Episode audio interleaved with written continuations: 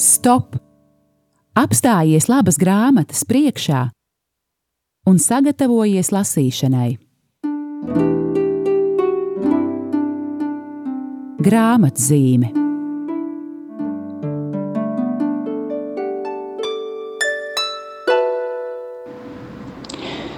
Lai ir slavēts Jēzus Kristus! Esiet sveicināti, mīļie radio Marija Latvija klausītāji! Ir kārtējā trešdiena un laiks raidījumam grāmatzīme, kurā runājam par grāmatām un aicinam jūs tās lasīt no radio klausītājiem, kļūstot arī par grāmatu lasītājiem. Mans vārds ir Aija Balode, es priecājos jūs uzrunāt, un šā raidījuma formāts būs mazliet eh, cits. Es jūs aicināšu noklausīties kādu raidījumu atkārtojumu. Proti, ir iznācis marta mēneša izdevums Mieram tuvu, un kā allaž, mēs to piedāvājam arī mēneša komplektā ar kādu iepriekš izdotu grāmatu. Un tādā veidā šo izdevumu un iepriekš izdoto grāmatu e, iegādāties ir daudz izdevīgāk. Un marta mēneša komplektā ir iekļauta grāmata Jēzus paraugs un spēka avots vīrietim. Tā ir poļu autora Mečislava Guzeviča grāmata, kuras izdošanas iniciators bija mūsu bīskaps, arhibīskaps Zbigņevs Stankēvičs. Lūk, par to visu vairāk raidījumā, kas izskanēja īsi pirms grāmatas izdošanas. Noklausieties to un ceru, ka um, tas, šis raidījums jūs ieinteresēs un ieinteresēs arī šī grāmata. Lai patīkama klausīšanās, lai patīkama lasīšana.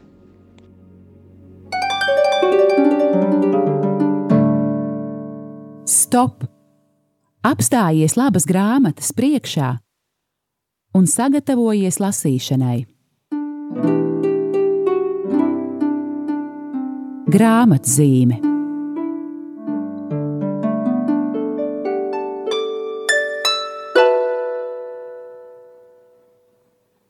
Lai ir slavēts Jēzus Kristus! Mans vārds ir Aija Balode, esmu studijā, lai jūs, Radio Marija Latvija, klausītāji uzrunātu ar raidījumu grāmatzīme, eh, kurā mēs tātad ik pa divām nedēļām tiekamies trešdienās pulksten vienos, lai runātu par grāmatām.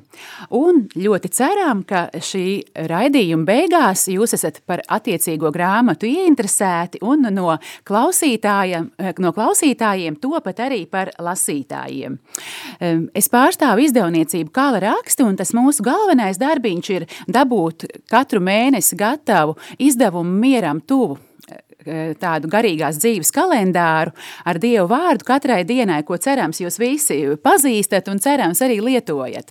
Bet laiku pa laikam mums ir izdevniecībā prieks e, izdot arī citas grāmatas. Un man bieži cilvēki jautā, bet kā jūs tās citas grāmatas izvēlaties, pa, kādā, pa kādiem ceļiem tās pie jums nonāk?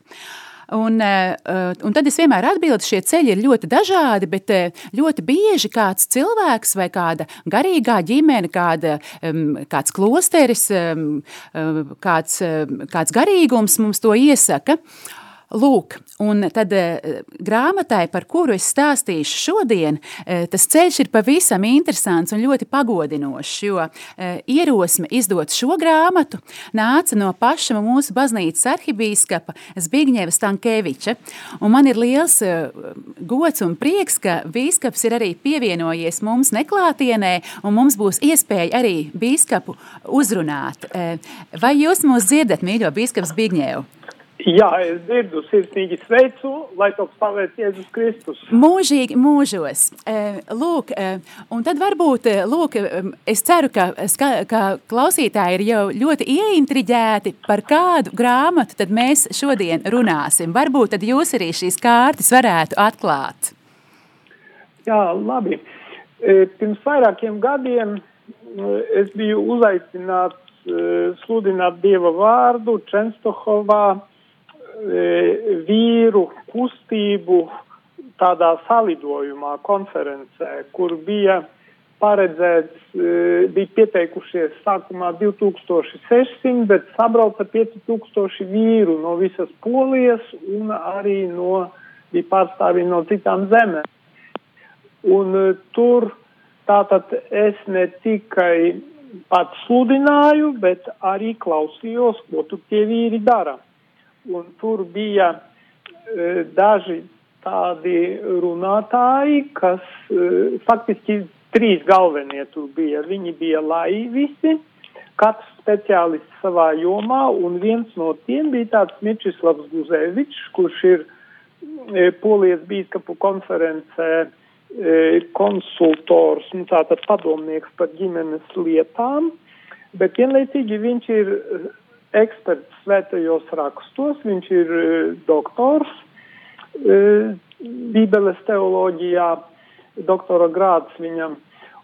Un e, viņš ļoti daudz publicējas, raksta grāmatas, galvenokārt par ģimenes un laulības tēmām, vada rekolekcijas, sniedz priekšlasījumus dažādākajām auditorijām, slimajiem ārstiem, dvēseļu ganiem, ģimenes lietu konsultantiem, sadarinātajiem, laulātajiem un vecākiem.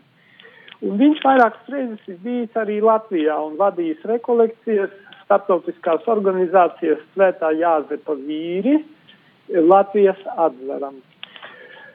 Bet nu, es ar viņu iepazinos tieši tur un noklausījies viņa to lekciju. Pēc tam es ar viņu aprunājos, viņš man uzdāvināja savu grāmatu, kuru latviski tātad mēs pārtulkojām nosaukumu kā Jēzus paraugs un spēka avots vīrietim. Es šo grāmatu izlasīju, gandrīz vai var teikt, vienā elpas vilcienā. Tā nav liela grāmatiņa. E, es jau par Jēzu esmu daudz grāmatas lasījis. Jā, tā varētu būt. Bet šī grāmata mani pārsteidza ar savu vienkāršību, ar savu dziļumu vienlaicīgi, ka faktiski tas arī tā viņa priekšlasījumā bija redzams, ka Tas ir cilvēks, kurš ir no vienas puses viņš ar abām kājām stāv uz zemes, viņš ir precējies, viņam ir bērni, viņam ir, viņš grāmatas ievadā raksta par to, cik ļoti viņš mīl savu sievu un ka viņas atbalsts viņam ir ļoti svarīgs arī viņa tajā kalpošanā. E, bet vienlaicīgi viņš ļoti labi pārzina svētos rakstus, bet lūk, te ir tā atšķirība starp daudziem nu, svēto rakstu, teiksim, ekspertiem, kuri tad, kad sāk rakstīt, tad nu, viņi aiziet tādās tehniskās detaļās, un tā valoda ir tik sarežģīta, ka, teiksim, nu, ar tādu mazu ironijas piedevu, ka normālam cilvēkam ir grūti. Viņš vienkārši, nu, vai nu nesaprot, vai tas ir kaut kā garlaicīgi, neredz saistību ar dzīvi un tā. Tad šī grāmatiņa, kurā ir nedaudz, man liekas, pāri par simts lapusēm, e, viņa ir tāda ļoti vienkārša, dinamiska un sasaistīta ar dzīvi. Tas ir viens, un otrs, ka tas, ar ko es nekad nebiju saskāries, ka viņš parāda Jēzu kā īstu vīrieti ar miesu un asinīm. Un tieši tā, tā piesaiste, ka, jo agrāk Nu, parasti nu, Jēzu rāda, nu, jā, viņš ir patiesa dievs, patiesa cilvēks, viņš cieš par mums, par mūsu grēkiem, un tā viņa cilvēcība tiek parādīta, bet, bet nekad nebiju saskāries ar to, ka tieši tā viņa vīrišķība tiek eksponēta un tā kā aprakstīta. Un uh, autors pašā sākumā viņš arī uzdod jautājumu, nu, kas ir noticis ar mūsu vīrišķību. E, tātad e, e, patiešām mēs redzam, kas notiek pēdējos gadu desmitos, ka mūsu sabiedrībā vīrieši kļūst, es teiksim tā, nu, sievišķīgi tas nevis kā pārmetums sievietēm, jo sievietei būt sievišķīgai tas ir skaisti un brīnišķīgi, tas ir viņas, kā saka, viņa savu būtību caur to izpauž. Bet Bet dieva plānā tātad ir šī atšķirība, ka vīrietis ar sievieti viņi papildina viens otru. Un tad, ja, piemēram, sieviete pretendē būt tāda kā vīrietis, viņa var teikt pati sevi pazemo. Nu, teiksim, tas ir radikālā feminista kļūda, ka viņas mēģina tā kā visu darīt kā vīrietis, pretendēt uz to, ka viņa var būt kā vīrietis. Bet viņa sieviete, dieva plānā viņai ir cita misija. Un tātad šis autors, viņš parāda to, ko nozīmē būt īstam vīrietim. Un viņš parāda, tātad, kāds ir Jēzus, kāds ir Jēzus kā vīrietis. Tātad viņš uzdot jautājumu, kas noticis ar mūsu vīrišķību, tad jā, ko es pielūdzu, nu, tas jau ir universāls jautājums. Tad viņš parāda, ka Jēzus smagi strādā, ka viņš lūdzas, viņš izdzen ļaunos garus, viņš konfrontējas ar ļaunumu, parāda viņa drosmi, viņa nostāju tātad konfrontācijās, jeb sarunās ar pretiniekiem, bet vienlaicīgi attiecībā par tiem ļaunajiem gariem autors parāda arī, kur šodien tie, teiksim, tas ļaunums ir ļoti ieperinājies mūsu sabiedrībā. Viņš ļoti īsi, bet ļoti labi, ļoti tā dziļi un pamatīgi apskata tādus jautājumus kā, nu, piemēram, seks, kontracepcijas līdzekļi, pornogrāfija, kas tā tāda un kur pastāv viņas ļaunums, kāpēc, nu, kā saka, tas nav kaut kas nevainīgs. Nu, tātad es patiešām e, iesaku visiem šo grāmatu izlasīt, ne tikai vīriešiem, bet arī sievietēm, jo, lai sieviete, faktiski sievietes misija, es teiktu, Dieva plānā, e, viens no ļoti būtiskiem sievietes misijas aspektiem. Mēs to lasām pašā Bībeles iesākumā, ka e, Dievs ir devis sievieti par palīgu vīrietim. Palīgu kādā nozīmē, ka vīrietis bez sievietes atbalsta, viņam ir grūti kā, kļūt par īstu vīrieti, apzināties savu vīrišķību, savu misiju, savu aizgādņa lomu, nu, kā svētais Jāzeps. Viņš, e, mēs, redzē, mēs redzam, ka viņš pieņēma lēmumus, viņš sargāja šo ģimeni, viņš sargāja jaunavu Mariju, viņš sargāja Jēzu, viņi bēga uz Ēģipti, tie bija, tie bija viņa, var teikt, vīrišķīgie lēmumi, ka sievietes uh, misija cita starpā ir palīdzēt vīrietim apzināties, nu, kas viņš tāds ir un, un ieiet tajā Dieva plānā un sniegt viņam atbalstu, lai viņš notic saviem spēkiem, lai viņš notic, lai viņš ierauga, kas, kas viņš ir. Lūk, grāmata šeit var palīdzēt. Un ja. tie vīrieša loma ģimenē ir ārkārtīgi svarīga. Jo tas man bija tāds pārsteigums, kad es iepazinos ar statistiku, kas tika, nu, kā, tika veikti, veikti, veikti pētījumi par šo. Un tad atklāja, ka tad, kad māte atgriežas, teiksim, neticīgā ģimenē, kad māte atgriežas pie ticības Kristum, tad ģimene viņai seko 17% gadījumu.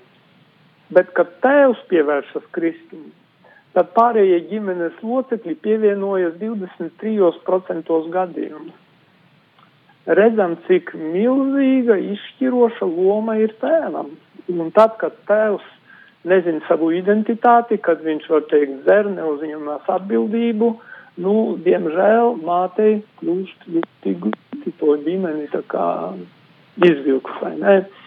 E, nu, tā ka Svētā Jāzepa vīru kustība Latvijā, kura, nu, man prieks par viņu, ka viņa tā kā attīstās, nostiprinās pamazām un ieiet tajā starptautiskajā apritē, ka viņa palīdz vīriešiem atgūt savu identitāti. Un es atceros arī, man stāstīja, jo es ar vīriem tiekos ik pa laikam, un tad viens no viņiem deva liecību par savu ģimenes dzīvi Un tas ir tāds, nu, var teikt, mazliet ar humora pieskaņu tas ir.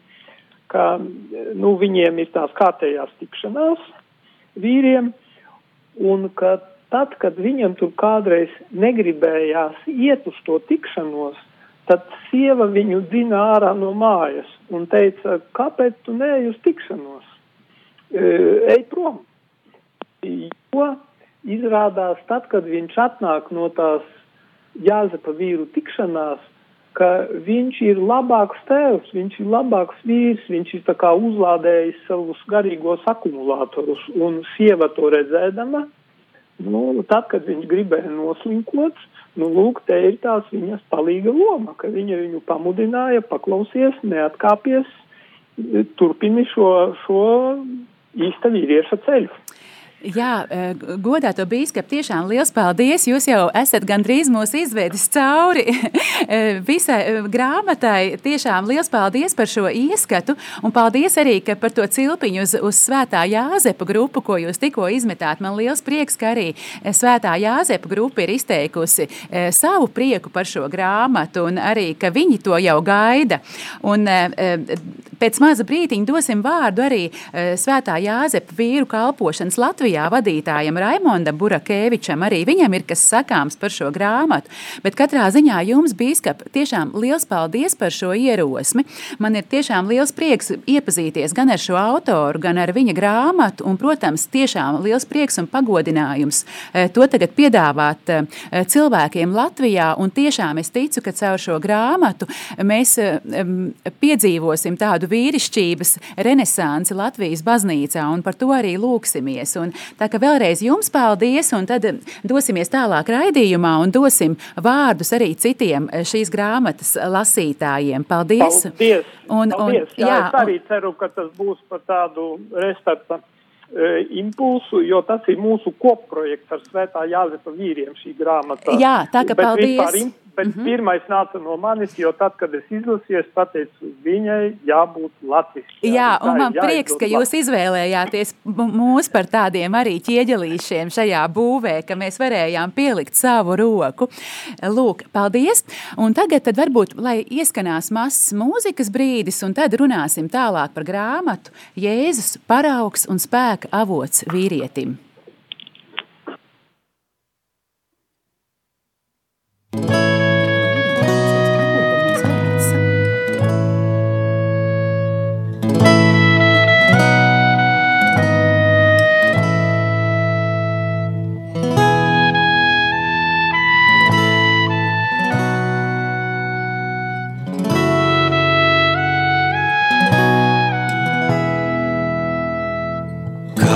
Sēkli zemi irdī, laukstam izslāpušu dzirdī. Tā tu dievam kalpo,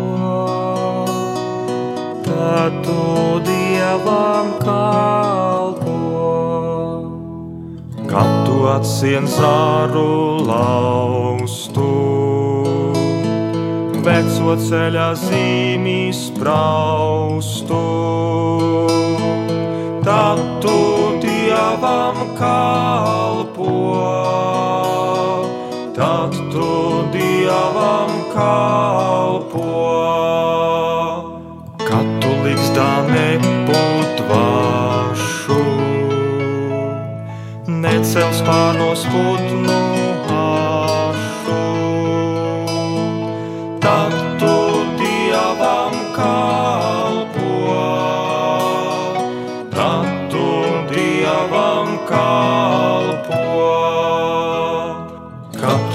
svešu dārzu laisti.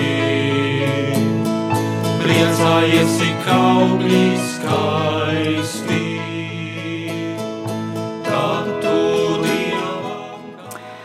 Esam atpakaļ studijā, raidījums grāmatzīme, un šodien runājam par e, jaunu grāmatu, kuru man pat jāatzīst, es vēl pati arī neesmu turējusi rokās, bet man ir apl apliecinājums no tipogrāfijas, ka piekdien tā būs mūsu um, izdevniecības birojā, un tad jau dosies savā ceļā. Es ceru pie daudziem no jums, gan pie vīriem, gan pie arī sievietēm, kā bīskaps Zbigņevs mūs rosināja, ka arī sievietēm šo grāmatu būtu vērts izlasīt. Proti, tātad, tā ir poļu autora Mečislava Guzēviča grāmata, kurā viņš raksta par to, ka um, mūsu kungs Jēzus Kristus, tātad patiesa dievs, patiesa cilvēks, bija arī patiesa vīrietis, un tādā veidā viņš var būt katram šodienas vīrietim par īstu paraugu um, un spēka avotu. Uh, Un eh, es eh, uzrunāju pirms raidījuma arī Jāzepa vīru kalpošanas, eh, vīru grupas un šīs kalpošanas Latvijā vadītāju Raimondu Burakēviču. Un lūdzu, lai arī viņš nolas kādu fragmentu no šīs grāmatas un pasaka tādus savus iedvesmas vārdus. Un man liels prieks, ka Raimonds atsaucās un ka mums būs tagad iespēja viņu dzirdēt. Es jau iepriekš atvainojos par maziem tehniskiem, varbūt sprādzieniem, rakšķīšiem vai kādu negludumu šodien klausoties šos ierakstus, bet nu, ņemsim par labu, Covid dara savu, mēs šeit nevaram lielā skaitā eh, tikties, bet varam um, paklausīties, ko Raimons pats ir ieskaņojis. Jāņa evaņģēlijā lasām Jēzus vārdus. Tāpēc es esmu dzimis un tāpēc pasaulē nācis, lai liecinātu par patiesību. Šeit ir vieta daudzām pārdomām. Ik viena ticīga cilvēka pienākums, neatkarīgi no dzimuma, ir sekot Jēzum, paliekot patiesam un liecinot par patiesību. Iedziļinoties vārdos, lai liecinātu par patiesību, mums vīriešiem ir jānokaunas.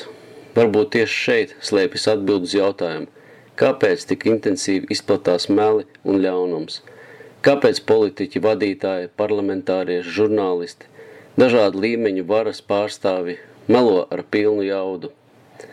Tāpēc, ka mēs esam pagājuši malā, esam atstājuši savu uzdevumu novārtā. Es ļoti atzinīgi vērtēju Mērijas Vāgners rīcību. Viņa, būdama jauna sieviete, ir iestājusies par dzīvību un kārtīvo reizi atrodas Ontario cietumā, Kanādā. Kad lasu viņas ties, tiesneša vārdus, kas pateikti prāvas laikā, mani pārņem šausmas, kā cilvēks var dzīvot tādos melos. Tiesnesis Klemens 2013. gada 1. septembrī izkliedza – Tev nav taisnība sievietēm, kuras vēlas izdarīt abortu, sagādāt vēl vairāk sāpju. Tu maldies, un tavs dievs arī maldās. Taču rodas jautājums, kur šajā valstī Jēzus mācekļi, svētā Jāzepa sekotāji, kam pirmkārt un galvenokārt ir jāizsargā dzīvība un patiesība. Tas ir viens no svarīgākajiem patiesa vīriešu uzdevumiem. Tiek aizsargātas visdažādās dzīvnieku sugas – bet absolūtā klusumā paiet garām tam, kā cieši miljoni nevainīgu bērnu, kurus nogalina mātes miesās. Es uzskatu tieši to par mūsdienu civilizācijas vislielāko falsifikāciju. Taču vēlreiz atkārtosim, tā ir mūsu vīriešu vaina, jo mēs esam ļāvuši sevi ieskaut tumsai, darīt sevi aklus. Viņu spēks izriet no mūsu vājuma, un ja mēs, labi bruņoti, apjozušies ar vairogiem un zobeniem rokās, zem dieva karoga neuzsāksim cīņu, nekas daudz nemainīsies. Atcerēsimies, ka josta ir patiesība, bet zobens ir dieva vārds. Pastāv vēl kāda joma, kurā mums ir ļoti svarīgs uzdevums – sargāt baznīcu no melīgiem un zākājošiem masu mēdīju, politiķu un satīriķu uzbrukumiem. Es bieži saku, ka būdams jau cilvēks gados, kas lielāko dzīves daļu aizvadījis brutālajā komunismu pasaulē, neatceros, ka pat komunisti būtu atļaujušies tādā veidā postīt baznīcas un garīdzniecības autoritāti. Mūsdienās vairs nepastāv ne principi, ne robežas. Masveidīgi tiek kritizēta baznīca, garīdzniecība, vērtības un krusts. Mēs nedrīkstam klusēt, izlikties, ka nekas nenotiek. Nedrīkstam pakļauties šai dīvainai modei, Bieži vien kaut kādas muļķības tiek atkārtotas gan ģimenē, gan darbvietā. Tad ir jārunā, jāizstāv patiesība, pat tad, ja mūs izsmēja vai atmet. Baznīca ir vērtība, kas nesaraujami saistīta ar mūsu tēvzemi. Ja mēs neaizstāvēsim baznīcu, būsim līdzdalīgi šajos melos un līdz ar to pazudināsim dārgumu, bez kuras mūsu bērni un mazbērni aizies bojā. Atcerēsimies mūsu senčus, iespējams mums no tiem ir saglabājušies kādas piemiņas, lietiņas.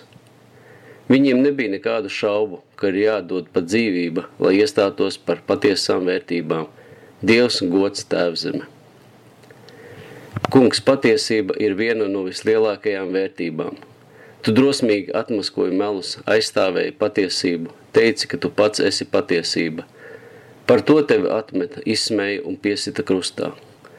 Tu nel nelaidies nekādos kompromisos. Cik ļoti mūsdienu pasauli ir vajadzīgi tādi vīrieši. Dāvā man spēku, lai es prastu pat, patiesību aizsargāt, par to liecināt, palikt tajā līdz galam lai es nebaidītos būt atmests, pazemots, lai es nelaistos negodīgos darījumos, neskaidrās saistībās. Lūdzu stiprini man paļāvību uz tevi, it sevišķi situācijās, kad ir nepieciešams riskēt. Amen.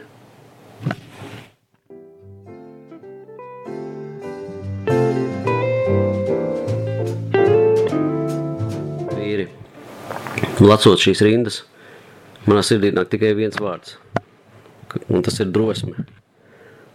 Bez drosmes mēs nespējam neko. Mums jābūt drosmīgiem, un mums nav iemesla tādiem nebūt. Jo Jēzus Kristus ir visu uzvarējis, un viņš ir stiprāks par visu, un mēs esam viņa bērni. Un mums jābūt drosmīgiem, lai sludinātu viņu vārdu, lai sargātu savas ģimenes, lai apgādātu savas ģimenes un lai sludinātu patiesību. Vīri, esiet drosmīgi un sekojiet patiesībai. Lūk, klausītāji, jūs dzirdējāt, ko par uh, grāmatu uh, Jēzus paraugs un spēka avots vīrietim sacīja Raimons Burakēvičs, kurš vada svētā Jāzepa vīra, vīru kalpošanu Latvijā. Un dzirdējāt arī fragmentu no jaunās grāmatas, un proti tāda arī ir šīs eh, grāmatas struktūra, eh, par dažādām tēmām autors raksta, un eh, vienmēr nodaļa beidzas ar tādu sirsnīgu un spēku pilnu, man gribas teikt, viņa lūkšanu. Un te mēs dzirdējām fragmentu no, no nodaļas eh, liecība par patiesību. Liels paldies Raimondam, un tagad, lai atkal ieskanās kāda mūzikas skaņa, un tad turpināsim raidījumu.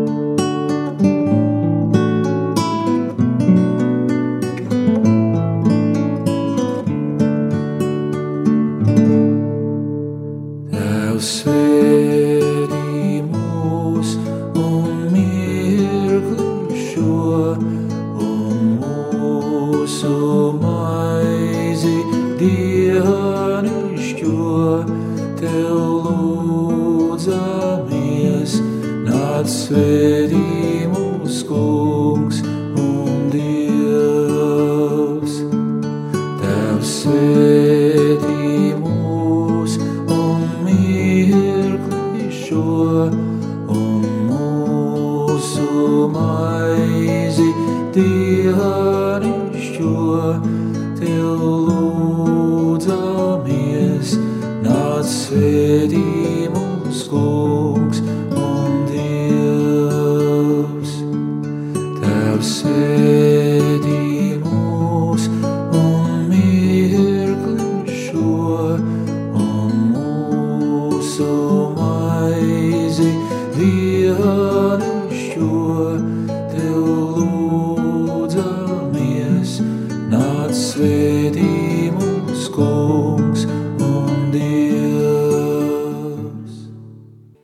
Jā, es ceru, ka pēc šīs grāmatas izlasīšanas e, daudzās ģimenēs arī atgriezīsies tradīcija, ka tēvs varēs e, ievest savu ģimeni šādā lūkšanā, gan galda lūkšanā, gan rīta lūkšanā vai kādā citā brīdī. Tiešām paldies e, Radio Marija Latvija mūzikas redaktorei, manai palīdzēja Līvai šodien, kas ir tik labu arī šo mūzikas fonu sagatavojusi.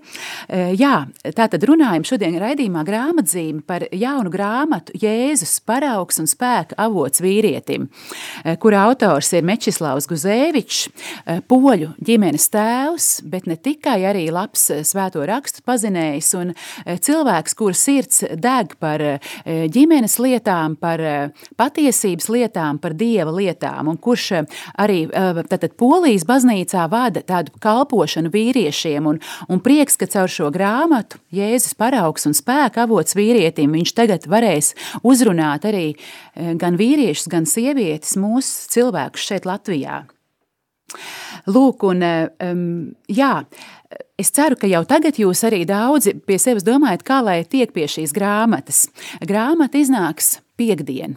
Un, eh, kā jau jūs, mēs to visi tagad zinām, laiks nav vienkāršs ar, arī saistībā ar Covid visiem ierobežojumiem. Daudzas baznīcas ir ciet, svētdienās grāmatu galda nevar strādāt un tā tālāk, bet ir viens ceļš, eh, kā mēs joprojām pie grāmatām varam tikt, un tas ir izmantot mūsu mieram tuvu internetu veikalu www.mieram tuvu LV Tajā atrodiet sadaļu veikals, un tur tātad gan šo jauno grāmatu jau varat pasūtīt, gan citas grāmatas, un gan savā, gan arī citu uh, katoļu grāmatu izdevēju vārdā.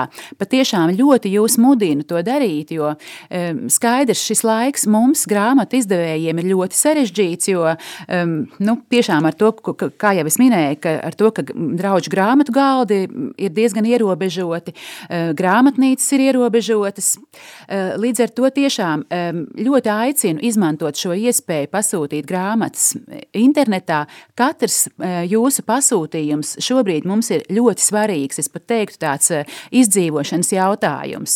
Bet, protams, man prieks par to, ka no savas puses mēs arī ne tikai lūdzam jūsu palīdzību, bet tādā veidā arī jums kaut ko ļoti vērtīgu dodam pretī. Piemēram, šo jauno grāmatu. Un arī esam izsludinājuši tādu īpašu akciju, ka šodien, rīt un piekdien, tātad šīs trīs dienas līdz grāmatas iznākšanai, grāmata mūsu internetu veikalā ir pasūtām par īpašu cenu. No piekdienas tā būs dārgāka, bet vēl šīs e, trīs dienas tā ir par īpašu cenu pasūtām, tā kā arī izmantojiet šo iespēju. Lūk, bet atgriežamies pie grāmatas. Es e, pirms raidījuma uzrunāju e, vēl vienu dieva kalpu vīru, ģimenes tēvu un arī brīnišķīgu mūziķi Jāni Kurševu. Un viņš nolasīja vienu fragmentu no, arī no, no, no šīs grāmatas. Uh, un tur, uh, diemžēl, tagad, laika ierobežojuma dēļ uh, Jānis nenolasīs visu fragment, bet es varbūt ieskicēšu. Tādas um, autors saka, ka būtībā ir tā tādas trīs galvenās lietas, kas, vī, kas vīrietim ir jādara kā ģimenes tēvam. Uh, Un, ja tās tiek darītas, tad visas pārējās lietas Dievs svētī un tās nostājas savās īstajās vietās. Un tā pirmā ir um, būt atvērtam dzīvībai. Gan ļoti plašā nozīmē, bet arī ļoti konkrētā nozīmē būt atvērtam dzīvībai e, ģimenē. Otrā lieta paļauties uz Dievu visā un arī materiālajās lietās. Un tā paļāvība ir tāda, ka um, um, arī caur uh, to, ka vīrietis maksā šo desmito tiesu, uz ko um, Dievs mūs aicina.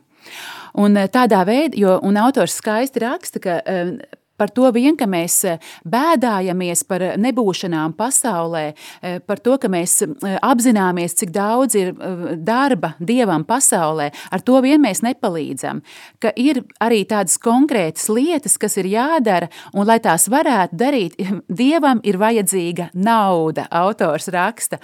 Un, ja mēs ziedojam, ja mēs atbalstam baznīcas darbu, evanģelizācijas darbu, žēlsirdības darbus, tad um, daloties tajā, kas ir mūsu, būtībā atdodot Dievam atpakaļ to, ko Viņš mums pats ir devis, Dievs redz, ka mēs uz viņu paļaujamies un Viņš mūs turpina svētīt. Un trešā lieta - iestāšanās par patiesību un Dieva lietām. Un tagad ieklausīsimies, ko lasa Jānis Kurševs un kādas atziņas viņš no grāmatas gūst rezumējums. Nav svarīgi, ko tu dari, cik nopelni, kādu amatu ieņem, kādi ir tavi pienākumi un panākumi. Nav svarīgi, cik naudas ir tavā kontā, cik rekolekcijās un evanģelizācijas kursos esi piedalījies, vai varbūt pats tos vadījis. Galvenais ir, vai tas, ko tu dari, saskan ar tēva gribu. Varbūt arī tā, ka tu reiz esi devis savu dzīvi Jēzum, taču tagad vairs izšķirošajos brīžos tu viņam neko nelūdz. Tā nav pareiza rīcība. Jālūdz ik uz soļa un ikvienā situācijā, tieši tāpēc, ka esi Jēzum veltījies. Tu esi Jēzus karavīrs, tad arī jautā viņam nemitīgi, kas tev jādara. Jā, tā pārdomājot šo rakstu, saprotu, ka manā dzīvē un finansēs arī iestājās tāds sastingums, un šobrīd ar desmito tiesu tieši tā kā ar vispār finansuālo situāciju ir tās stindzīgi, bet pateicība Dievam jā, jāatzīst, ka visam pietiek un viss notiek. Un, jā, atliek tikai pārdomāt savu pateicību Dievam par to, ko Viņš dāvā, kā Viņš mūs uztur, un arī viņu no sirds priecīgi izpaust. Jo tiešām tā priecīgā došana uz kādu mirkli tagad bija pazudusi. Un, un, un ceru, ka šis raksts man arī iedvesmos uz lielāku prieku pateikties Dievam un atbalstīt baznīcas misijas darbu. Jā, lūk, šādu apņēmību fragments no grāmatas ir radījis Jānis Kurševā. Paldies, Jāni, par tavu līdzdalību raidījumu veidošanā. Jā, e, pusstunda, kas bija mūsu rīcībā, lai runātu par jauno grāmatu, Jēzus spēka avots un paraugs vīrietim, šī pusstunda ir iztecējusi.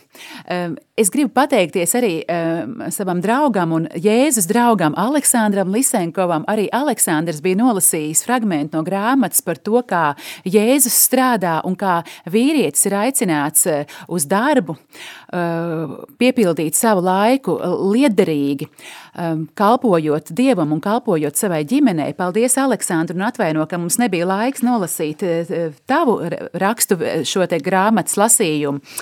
Bet tas nekas. Es ceru, ka daudzi vīri vienkārši paši lasīs šo grāmatu.